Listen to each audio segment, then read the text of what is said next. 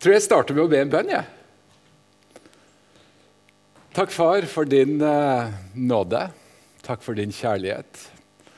Takk, far, for at du er allmektig.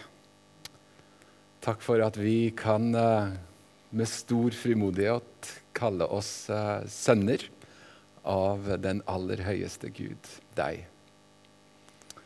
Far, vi ber om at denne kvelden skal bli meningsfull.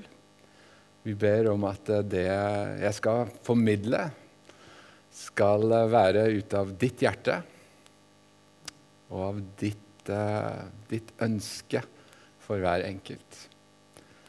Amen. Så spennende å komme her med et rom fullt i menn. Altså, det er jo Det er litt sånn Det er litt det er litt spesielt egentlig å forberede seg til en sånn mannskveld, eller guttekveld. Fordi at, eh, altså, hvorfor, da, da, sitter jeg, da, sitter jeg, og tenker Hvorfor spør de meg? Er jeg mye mann, siden de spør meg? Og jeg tror for, for all del jeg er ikke mer mann enn noen i dette rommet her. For all del. For her er jo et rom fullt i menn. Noen eh, voksne, godt voksne menn, det er jeg utrolig glad for. For dere er onkler, fedre og besteforeldre. Og dere har enorm innflytelse på eh, oss som er nedover i rekkene. Som, eh, jeg ser det er en del her på min alder, og så er det noen yngre. Det er strålende med caps. Det er kjempegreier. um, det, er jo, det, er jo, litt sånn at uh, når vi skal prate om, om mannsrollen, uh, om kulturen vår og hvordan ting endrer seg, så må vi ta et lite, ta et lite blikk på hva, hva er tilstanden. Uh, og det er klart, Jeg begynte jo litt med å si litt, Jeg kikker jo litt sånn inna, innover, jeg da. For det er, jo, det er, jo, ofte det vi gjør. Hvem er jeg? Hva er jeg? Uh, hva har jeg å bidra med? Um, gjør jeg ting som er veldig mandig? Når koronakrisen kom, så kjøpte ikke jeg mye dopapir. Jeg sjekka våpenskapet mitt og at jeg hadde rikelig med ammunisjon i tilfelle dette skulle ta helt av. og det hadde jeg. Jeg jakter på hjort. Eh, en veldig uh, avsides bratt li. Eh, er det mandig? Ja, det var kanskje det før. Nå, nå er det mye, mye penger og, og, skryt og Instagram som styrer mye av det greiene der ser jeg. Kanskje. Ikke alltid. Men um, hva er liksom tilstanden, og hvordan skal vi liksom gripe tak i dette? For det er utrolig mange ting som, som påvirker oss som menn. Og jeg, jeg, tenker jo at vi er i krise. Jeg, jeg er det. Jeg, altså, jeg tenker det. Eller jeg er det. Jeg tenker vi er det. Um, for vi har flytta oss ifra vårt utgangspunkt vår hensikt. Men hva er det som har flytta oss? Hva er det som har bevegt noe av kjernen av det å være mann? For Jeg syns det er fantastisk å prate om disse tingene. Selv om jeg er litt sånn, det er litt som å hoppe fra tieren, for dere ser ganske skumle ut. Og eh, vet dere hva? Det er jo utrolig mye mer spennende og egentlig litt mer sånn avslappende når jeg snakker til konfirmanter. For jeg har mye konfirmanter. Gutter. 14 eh, år gamle gutter, og så har vi rein sånn her gutteundervisning. Og det er utrolig morsomt. For da lener de seg fram. For da snakker jeg om karakterbygging, jeg snakker om ansvar, jeg snakker om å bli mann. Altså hvordan blir en gutt en mann? Det er jo utrolig spennende for små gutter å høre på. Og det skal jeg prate litt om, hva jeg henter ut av den settingen der. Jeg har to gutter selv. Ruben eh, og Elias. Ruben er 20. Han uh, gifta seg i fjor med Regine som en veldig ung mann. Uh, I fjor, sier jeg. Det var jo i år. Uh, og så er Elias han er 16. han går på første videregående. Og jeg har to jenter. Jeg er gift med Elisabeth. Jeg gifta meg selv som en ung mann. Jeg var 19, jeg òg. Um, skulle ønske jeg fikk mer veiledning den gangen, for vi har hatt et ekteskap som gikk mye i bølgedaler uh, de første årene. Men uh, mye av de utfordringene ligger jo hos meg som mann. Altså, Hvem er det jeg har modellert etter? Og så vet vi, Det er jo en del sånn fakta knytta til dette med å være mann eller gutt. Altså um, Studier som kjøres det, altså det kjøres jo studier i, i anmarsj på all slags ulike områder. Men det studeres jo på hva er det som gjør en gutt, altså en ung gutt Hva er det som gjør han tilfreds med seg selv? Hva er det som gjør han um, full av selvtillit?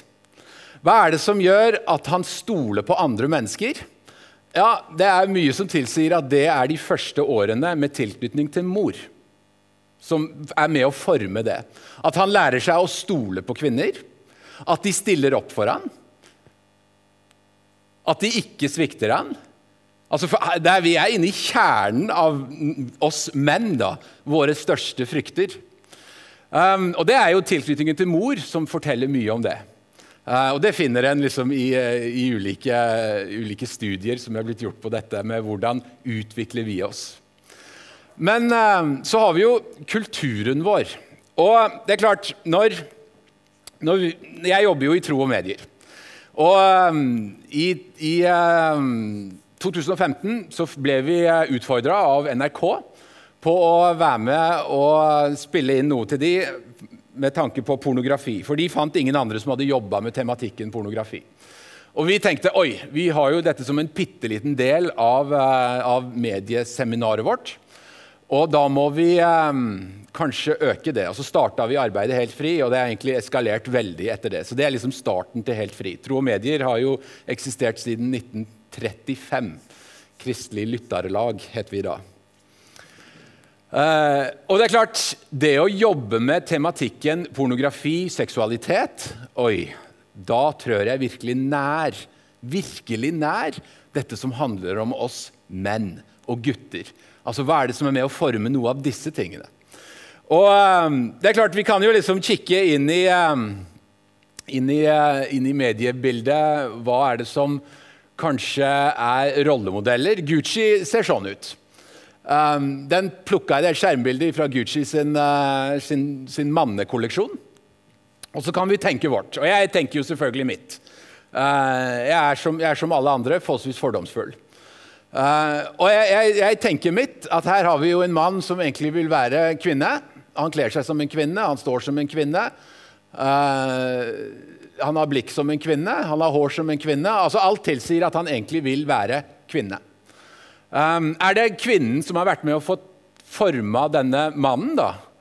Eller, nå er jeg inne i hele denne kjønnsgreia, som er full, fullstendig katastrofe. Altså 100% katastrofe snakker vi om her, uh, tenker jeg. Fordi at det, det er jo um, Hvem er det som har vært med å forme denne kulturen og denne måten å tenke på, hvor hele følelsesregisteret vårt skal få lov å være med å bestemme hva som faktisk er biologisk sant om kjønn. Eh, og Her gjelder det jo å ha ganske, ganske klare, tydelige linjer på hva en velger å forholde seg til. Eh, følelsene våre og de kan variere veldig, kanskje i tenårene ganske mye. Um, og så videre. Og det er jo utrolig mange unge kvinner da, som vil bli menn. Jeg følger en ung kvinne som ønsker å bli mann. Hun er utrolig uh, spennende menneske. Jeg har enorm medfølelse med henne. Dette er kanskje de mest sårbare menneskene jeg treffer i min vandring. Uh, og jeg har, en, jeg har, en, lang vandring i løpet av et år, for jeg er mye ute. Uh, I all slags ulike sammenhenger. Men uh, det er klart, denne kvinnen da, som er i, i 20-årene, som ønsker å bli mann, tror jo at det er oppnåelig ved å endre på klesstil, hårstil, gjøre en, en kirurgi. Er det mulig? Hun er jo veldig klar over at jeg tenker at nei, det er ikke mulig. Det er, det er umulig. Det går ikke an å bli som meg. Beklager, jeg tror ikke det går an. Og det er klart, alle disse tingene her er jo med å sette ting i bevegelse. Eh, sette, altså dette er med å sette ting i bevegelse hos de unge som må forholde seg til dette. Ja, ikke daglig, men nesten hver eneste gang de åpner telefonen sin, så må de forholde seg til dette. Uh, og jeg snakker med mye unge mennesker. Enten kommer det gjennom skole, Uh, mest kommer det gjennom mediebruk, hvor de må forholde seg til er det bare noe vi velger å være, eller er det noe jeg faktisk er og kommer til å bli i framtiden. Altså mann. Så nå har jeg kanskje forvirra dere veldig med en lang innledning, men jeg tenkte vi må hive opp noen ballonger her. Skal vi å, vi klare å si noe og lande noe om dette? For det, det jeg egentlig har gjort nå, det er jo bare å si litt om tilstanden. Uh, altså krisen som vi faktisk er i når det kommer til mannen. Så um, jeg tenker vi må til utgangspunktet. Jeg tenker vi må til der vi starta, skal vi begynne å grave i dette. Og um, jeg, jeg, er jo en, uh, en, svoren tilhenger av Bibelen, Guds ord, uh, og tror at det er innåndet av Gud selv. Uh, og jeg tror at det er sant, det som står skrevet i Bibelen, Guds ord. Og det er jeg veldig frimodig på når jeg er ute i skoler, når jeg er ute i folkehøyskoler, når jeg er ute i kirker og ungdomsmiljøer. Fordi at det òg forteller noe om meg som mann. For som mann så er jeg pålagt å snakke sant. Jeg er pålagt å snakke sant. Gud har lagt noe i vårt hjerte som gjør at vi skal stå opp for det som er rett, og det som er sant. Og når jeg har tatt konsekvensen av det, og av troen min, så øker òg frimodigheten på disse tingene. Det betyr ikke at jeg høvler over folk eller er ubarmhjertig eller nådeløs i min kommunikasjon når jeg prater med mennesker som er i fullbåren krise med hva de er, og hvem de er, og hvordan de ble til. Men det forhindrer meg heller ikke i å snakke sant. Og det er klart, Der kommer dette ordet kjærlighet inn. For san i sannhet i kjærlighet. Med kjærlighet. Og det er klart, Disse elementene her er jo noe liksom selve mannen, Jesus Kristus, modellerte igjen og igjen og igjen og igjen gjennom sin vandring her på jord. Og Det å lese hvordan han kommuniserte med mennesker, hvordan han møtte mennesker med sannhet og kjærlighet, det er jo virkelig noe vi som menn skal strekke oss etter. Men eh, la, oss starte, la, oss starte, i begynnelsen. da. Vi skal ikke gå gjennom alle 66 bøkene, men jeg har noen, eh, jeg har noen eh, elementer jeg har lyst til å liksom, ta inn i denne i, i starten her. Og så skal vi eh, ta bitte lite grann om seksualitet, pornografi, hva det faktisk gjør eh, med, med mannshjertet. Og så skal vi lande det i den fantastiske historien om mannen som virkelig er mann med stor frimodighet. Som vi er kalt til å være. Og så er vi i ulike faser av livet. Vi er i ulike aldre. I denne gruppen er ganske spredt i alder. Og det syns jeg er fantastisk spennende, for da sitter det et rom fullt av både nåtid, fremtid og fortid. Og det er, eh, det er virkelig dybde i. Men eh, i første Mosebok, da, når vi liksom begynner å, å, nøste i mannen, for mye av kjernen vår ligger jo her um, Da sa Gud, 'La oss gjøre mennesker i vårt bilde'.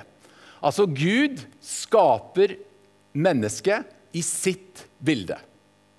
Og Gud er sammensatt. Altså Gud snakker om seg selv i flertall. La oss. Ergo mannen er sammensatt. Vi er ment å leve som sammensatt. Vi er ikke enfoldige, enkle sjeler, men vi er sammensatte. De skal råde. For en tekst! Vi skal råde over havets fisker, over himmelens fugler, over fe og over all jorden. Og over hvert kryp. Og vi vet alle hva kryp er symbolet på. Vi er kalt til å råde over dette. Det er utgangspunktet vårt. For en fantastisk start! Altså, for en, for en herlig ting å vite at der startet vi. Med et kall over livet vårt til å råde over jorden og fiskene og ethvert kryp. Og det er klart, I dette da, så ligger det jo at vi er en refleksjon av Gud. Altså, vi er skapt i hans bilde. Hva er Gud? Hvor mektig er Gud? Hvor stor er Gud? Og det er klart, Dette er spennende ting å gå inn på når vi har mer tid, gjerne flere dager. For da kan en begynne å nøste i Guds farshjerte for oss. Og det er, det er enormt. For Gud, ja, han er jo både god, og han er trofast. Vi er allerede i konflikt med kulturen vår. Vi er allerede i konflikt altså vi, jo, vi vet jo altså hvilken vei det retning det går her, men vi er i konflikt med bare med å være oss. Skapt i Guds bilde, så er vi allerede i konflikt med den kulturen vi lever i. Og det er klart, vi, vi går videre, og vi kan egentlig gå inn i denne kapittel to, hvor det står mer detaljert rundt selve skapelsen hvor, eh, hvor Gud har da skapt mannen.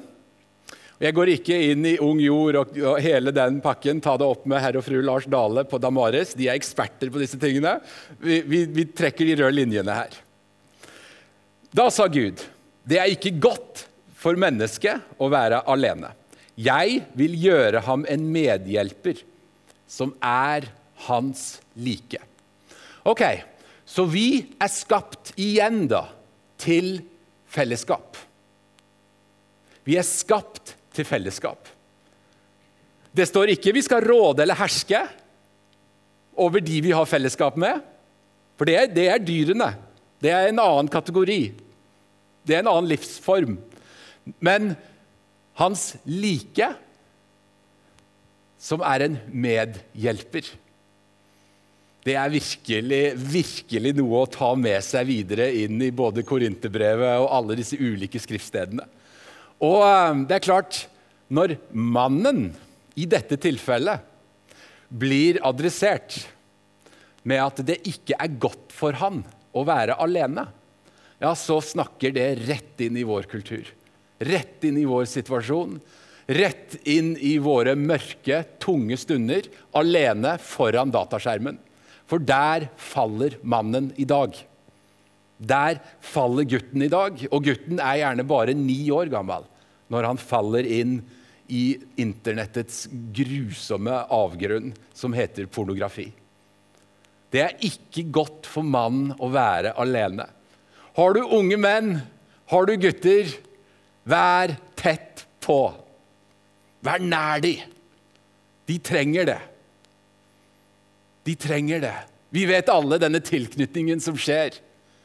Det å ha en mannlig rollemodell, det å ha en mann i livet sitt når du er ung, det er kritisk med tanke på hvordan du formes. Dette vet vi ut ifra sekulær kunnskap. Men når vi går inn i Skriften, Bibelen, Guds ord, så er det jo han som har designet dette. Det er han som har, han som har lagt føringene for at det er sånn vi er ment å leve. Det er sånn vi er ment å formes.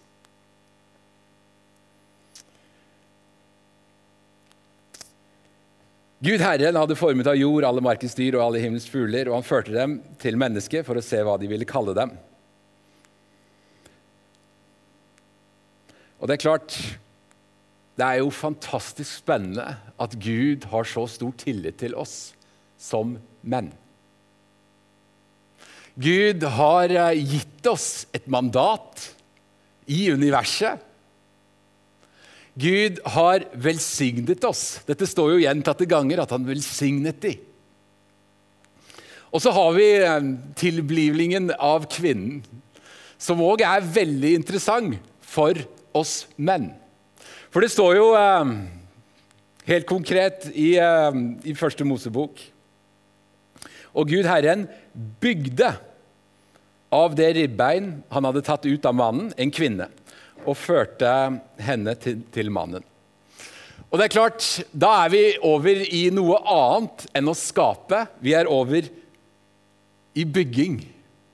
Og parallellene her med at denne byggeprosessen startet med noe som kom ut av mannen, ja, det forteller jo noe om hva som ligger i oss som menn.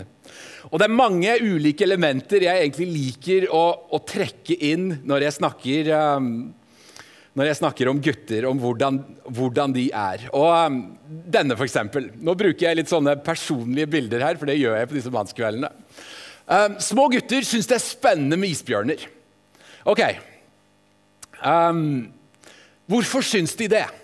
Fordi de er utforskende. Fordi de er utforskende. Små gutter liker å vite at her har vi et spor. Hvor, og hva fører det sporet til? Og hvis tanken er at det er en isbjørn i enden av det sporet, da er jo det en fantastisk tanke.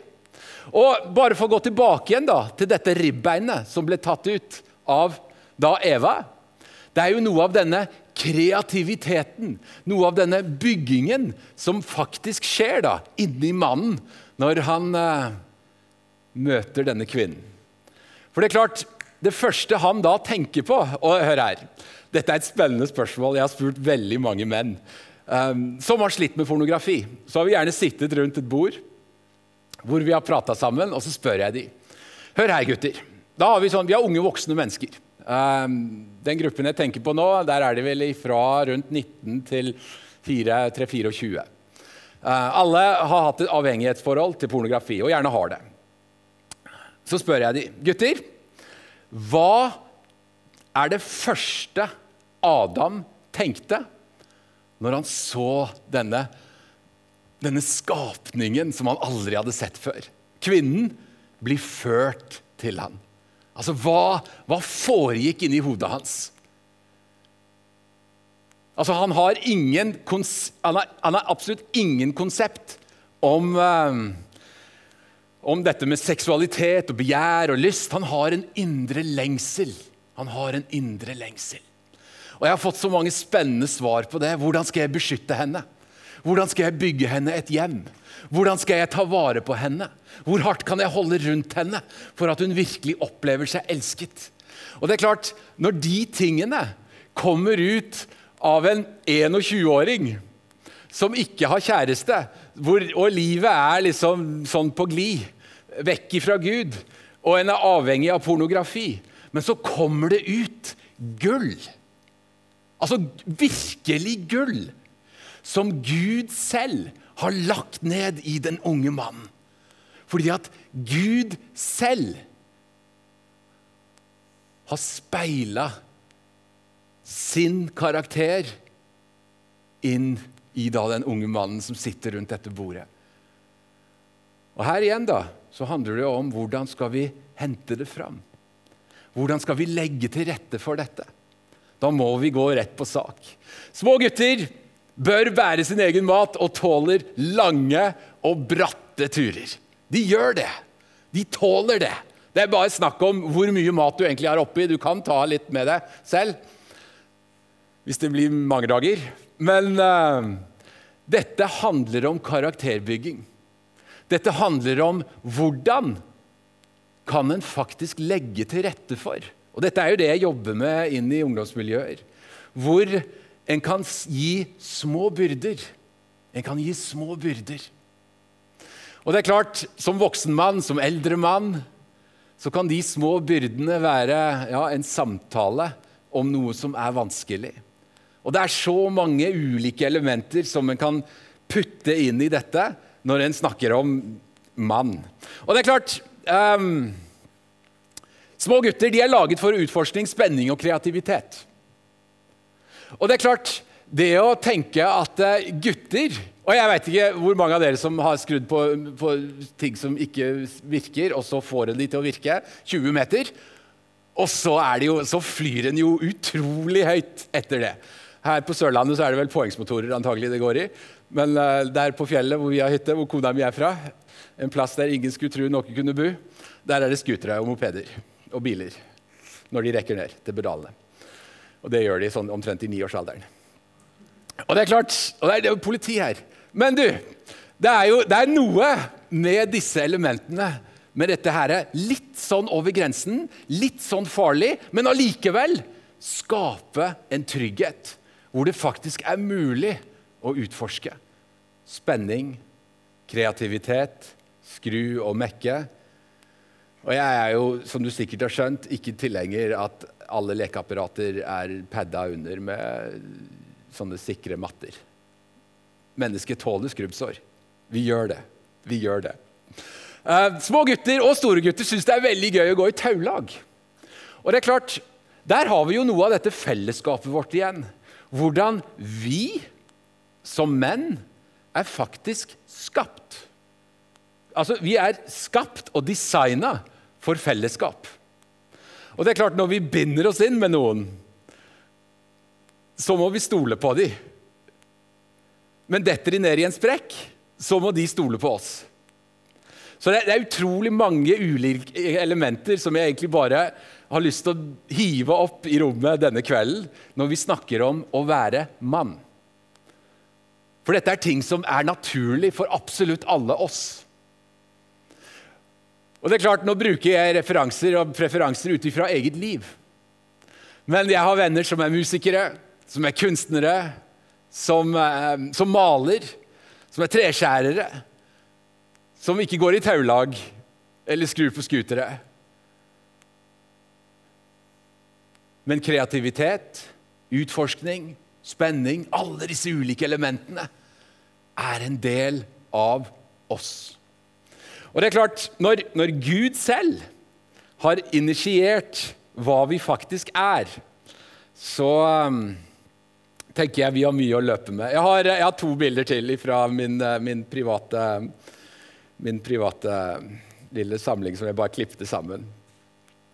Her har vi gutta mine som, som kikker opp uh, på et fjell i midten her. Um, Bjørnbergheio. Den er lang, og den er bratt. Og det er nedkjøringen. Og det er noe av, er noe av tilretteleggingen at vi setter oss et mål. For du skjønner, Gud han ga oss jo til oppgave å dyrke hagen. Det var det vi skulle gjøre. Vi skulle grave, og vi skulle jobbe med jorda. Altså, det var, en, det var en solid topp. For jeg vet ikke, den hagen var sikkert nydelig. Og jeg mistenker sterkt at vi får et innblikk i den en gang. Uh, men uh, det var nok mye jobb. Og det nok, ville nok blitt vannblemmer og trevler i hendene. Men det å sette seg et mål, og det å nå det, ja, det er jo faktisk noe av det som ligger i oss menn. Og Det er utrolig spennende når jeg gjør dette med konfirmanter. for det, de liker jo å tenke disse tankene. Og det er mange av disse tingene som er spennende, og det ene med det andre.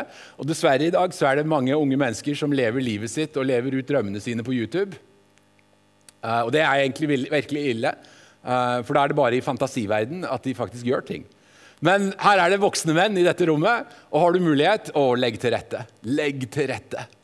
Men uh, det å kikke på kart, det å planlegge, det å utforske farlig terreng Alle disse elementene her er jo noe som vi er designa for.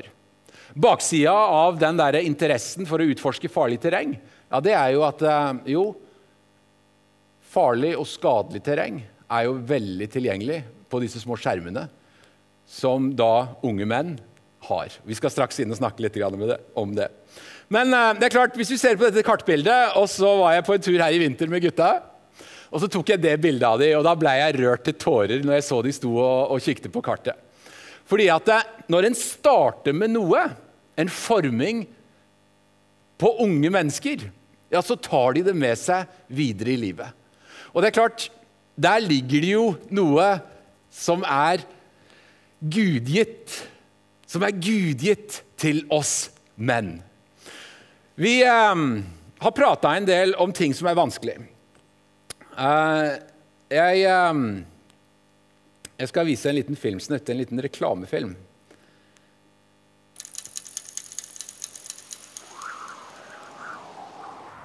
Hva er det fineste vi har i dette landet? Er det fjellene? Er det fisken i havet? Eller kan det være oljen?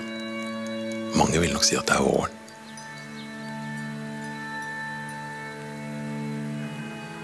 Eller er det fortsatt sommeren? Kanskje det er høsten som er det fineste? Eller muligens vinteren. Kanskje det er det gamle? Eller er det egentlig det nye? Kanskje det er jentene som er det fineste? Eller kan det være guttene? Eller er det alle stedene der det ikke fins andre mennesker?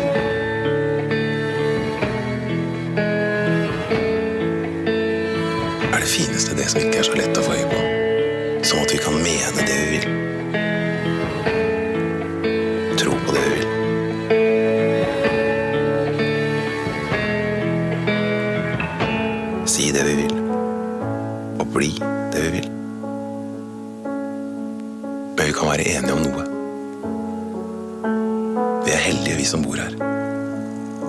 Mye som er verdt å ta vare på.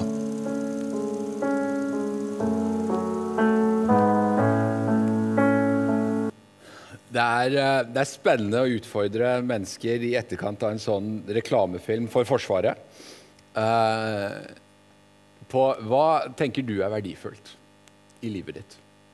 Hva, hva, er verdifullt i livet ditt? Og jeg får mye ulike svar. Det begynner ofte litt sånn grunt med, med PlayStation og mobiltelefonen min og, og sånn. Og, kjæresten min. Men en skal, grave, en skal, ikke grave, mye. Bare pirke litt borti, så er det familie. Uh, mor, far, bestefar. Uh, trygghet.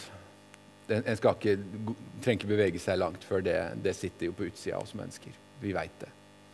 Men det er vanskelig å sette ord på det. Når, når vi snakker om menn, da, så har jo vi fått en skada en, definitivt veldig, veldig skada uh, image er feil ord når det kommer til seksualitet. Det er fremstilt i uh, mediene at det er mannen som er dominant. Det er mannen som skal ha sitt. Og det er kvinnens plikt å utføre dette. Dette er styrt av, eh, av hele pornoindustrien. Mange kvinner eh, og unge jenter har store store spørsmål knytta til uh, menn. Um, hvorfor syns de det er så fascinerende med pornografi? Um, jeg hadde en 14 år gammel jente, konfirmant, som spurte, um, som spurte om det var greit med pornosex. Uh,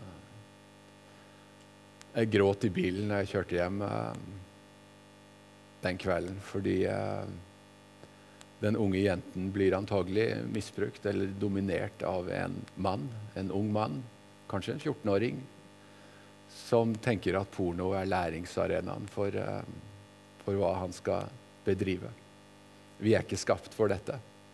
unge menn vet det. Vi vet det. Um, men vi må formidle en bedre historie. Jeg kommer til å gå litt over tida. Går det bra? Dere henger med? For vi må, vi må, gå inn i den gode historien. Hva er vi skapt for? Um, jeg, har vært, uh, jeg har vært en, litt rundt med Ruben. Um, her er vi i Misjonssalen i Ålesund. Hos Andreas Bakke, sikkert noen av dere kjenner. Fantastisk fin type. Han har vært ute, han òg mange år. Vi har en mannskveld hvor vi prater, meg og han, på scenen om oppveksten hans. Uh, han har gått på en vanlig offentlig skole, vanlig offentlig videregående skole. Hvor uh, kameratene hans begynte å dele porno sånn i slutten av barneskolen på ulike, ulike plattformer. Han, uh, andre gutten min sier at dette begynte å skje rundt sånn femte klasse. Eh, fordi at mediene egentlig blir jo bare sterkere. Eh, og det kommer ulike plattformer, og det beveger seg, det flytter seg. Men um, vi prater om hvordan vi har snakket om dette hjemme. Jeg vet at dette er utrolig vanskelig å prate om uh, hjemme. Uh, jeg vet at det er mange menn i min aldersgruppe, jeg er født i 1972, som vegrer seg for å prate med sønnene sine om dette. Og vi har prata om jenter. Vi har prata om uh, hvordan hvordan kan du få et rett bilde av jenter? Hvilken mann ønsker du å bli? Hvilken ektemann ønsker du å bli? Han har jo blitt en ektemann nå. Um, og hva ønsker du å dra med deg inn i, uh, inn i ditt fremtidige ekteskap? var jo samtalen her da. Og det er klart, denne bagasjen som vi kunne prata mye om. Uh, vi kunne prata mye om skadevirkninger av pornografi, uh, hvordan det skaper avhengighet, hvordan det um, berører hjertet vårt, hvordan det skaper uh, tankebaner, hvordan hjernen vår er det som heter da nevroplastisk. jeg snakker med menn som sier til meg at jeg går inn i et rom, og der er det fem jenter, og det første jeg tenker på, hvordan ville det vært å ha sex med dem, alle samtidig? Og jeg spør hvorfor tenker du det? Og jeg spør hvor lenge har du da sett på porno, og det kan gjerne være fra 9-10-12-13-årsalderen. Uh, som har vært med å forme de tankene. Dette er fortvila menn. Flotte menn. Ingenting gærent med dem. Dette er menn som, har, som er skapt i Guds bilde, som kan uttale nydelige ting. Men uh, allikevel så har det kommet noe fra utsida. Og, og, det er klart, vi veit jo dette. Uh, dette er jo veldig, veldig tidlig i, uh, i historien vår. Um, det står, i, det står i, fjerde, i, første Mosebok, fjerde kapittel, uh, rett etter Kain og Abel har klinsja sammen, um, hvor det snakkes om synd. Den har lyst på deg, står det. Den har lyst på deg, i vers 7. Men du skal herske over den. Åh, dette er, Du kan vri hodet ditt på disse, disse setningene. Vi er skapt til å herske over den.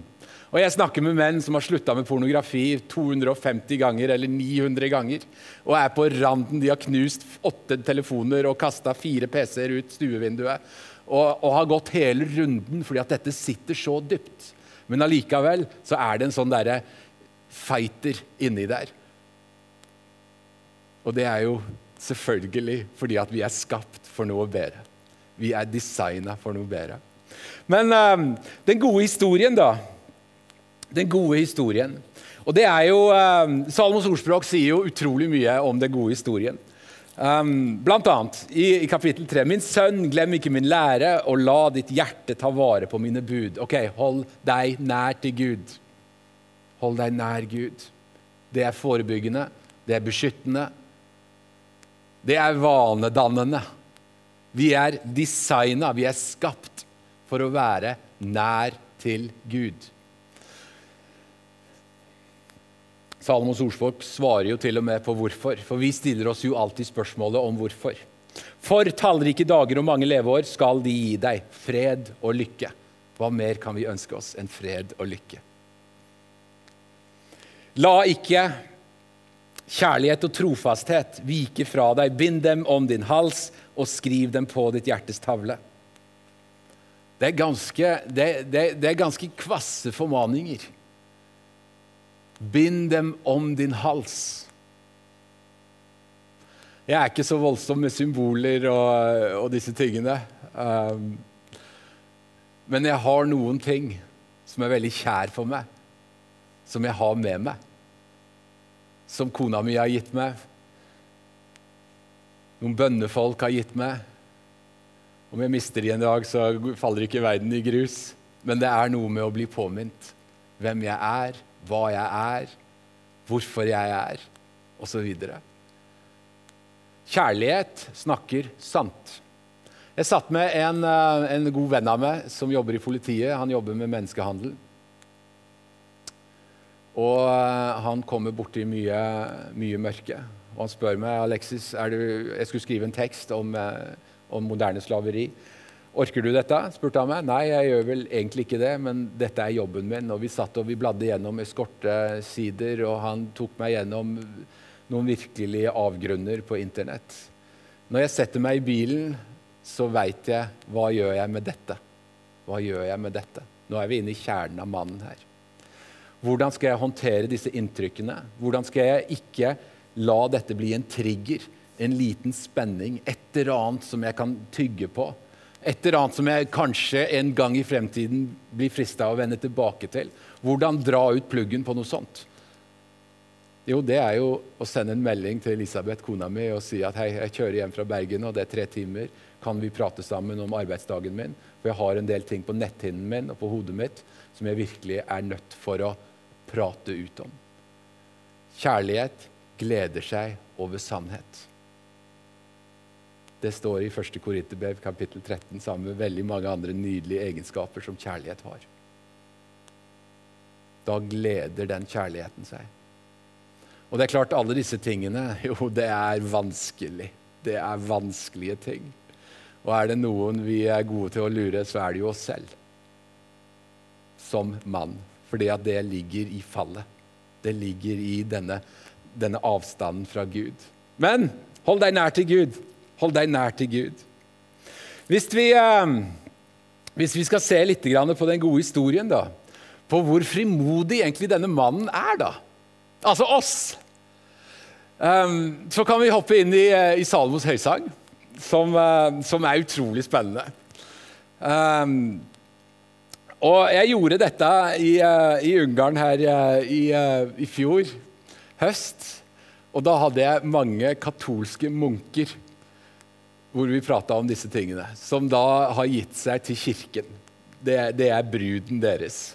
Og de lo, og det var utrolig spesielt. Jeg var ganske shaky når jeg skulle snakke om Salomos høysang og, og seksualitet og alle de tingene inn i manns hjerte.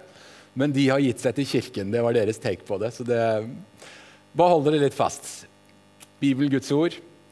Salomos ordspråk, kapittel 4. Hvor fager du er, min kjæreste. Hvor fager du er. Denne mannen er frimodig. Han snakker rett ut. Rammen rundt det han sier, er trygt. Det er trygghet i rommet. Han har forpliktet seg til denne kvinnen. Han har tatt et livsvalg. Derfor er han frimodig. Dine øyne er druer bak ditt slør. Det er noe av denne spenningen. Du, så spennende du er. Kvinne, eller kirke, da, for, denne, for disse katolske munkene. Du, så spennende.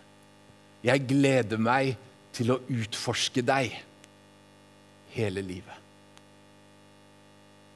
Og han ser henne inn i øynene vi er, vi er laga for dette. Alle disse filterne, maskene, skam, alle disse tingene. Jo, vi må forholde oss til det, vi må prate om det. Men dette er den gode historien om oss. Dine øyne er som druer bak ditt slør. Ditt hår er som en jord av geiter som leirer seg nedover Giriat-fjellet. Og det er klart, når han ser henne inn i øynene, og han beskriver hennes rikdom for det er jo det han snakker om. Altså, Geiter er enorm rikdom. Det er en hel flokk med geiter. Altså, det er, det er rikdom når vi snakker inn i denne tiden. Som skrider nedover Gidiat-fjellet. Det er det vakreste, det er det rikeste han ser. Jeg vet ikke hva han ser, men vi er laga for å se inn i det som kanskje her kan virke usynlig. Da. Han ser hennes rikdom. Ja, hva er det? Evnen til å skape et hjem, evnen til å yte omsorg, evnen til å være rettferdig. Alle disse tingene ser han i øynene hennes. Dine tenner er som en jord av nyklipte sauer som stiger opp av badet. Han snakker om hennes renhet. Alle har de tvillinger, og ingen av dem er uten lam. Han snakker om hennes fruktbarhet. Dine lepper er som en skarlagensnor, og din munn er yndig. Han er begeistra for måten de kommuniserer. Han beskriver hennes ytre, hennes lepper, hennes hår. Men det stikker så dypt. For han snakker jo om hele kommunikasjonen. Yndig. Det er et nydelig ord. Det er et fantastisk ord. Det er jo språket som flyter mellom disse to menneskene. Vi er laga for dette. Som et stykke granateple er din tinning bak ditt slør. Og igjen denne her spenningen. Hva er bak sløret? Når jeg snakker om lyst, om begjær og fristelse og disse vanskelige tingene, og setter det inn i denne konteksten, som er hellig, som er ren, som Gud har lagt sin hånd på og velsigna, da blir det et helt annet bilde. Da blir det et helt annet bilde.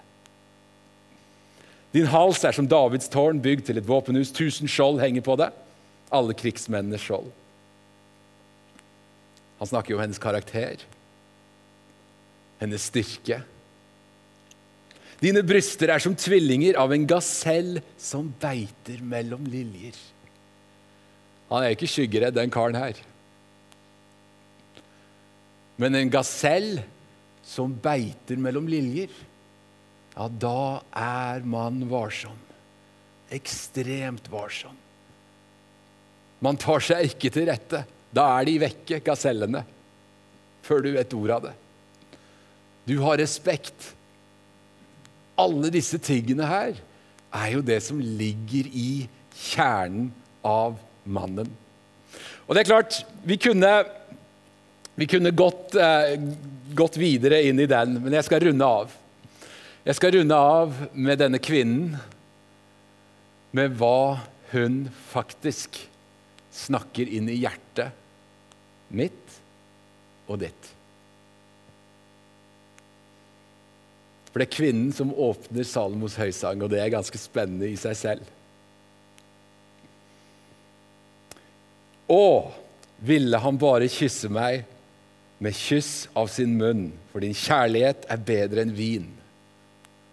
Dette er en trygg, frimodig kvinne som vet hva hun gir seg til. Liflig er duften av dine salver. Ditt navn er en utgitt salve. Rett inn i kjernen av mannen. Hvem er jeg? Hvorfor er jeg? Har jeg det som skal til når det trengs? Ditt navn.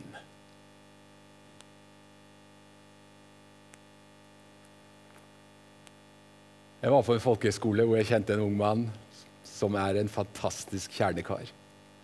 Alle veit det. Og så sier jeg navnet hans etterpå, og 120 elever de bare Ja! Nå skjønner vi hva som står der. For det er navnet.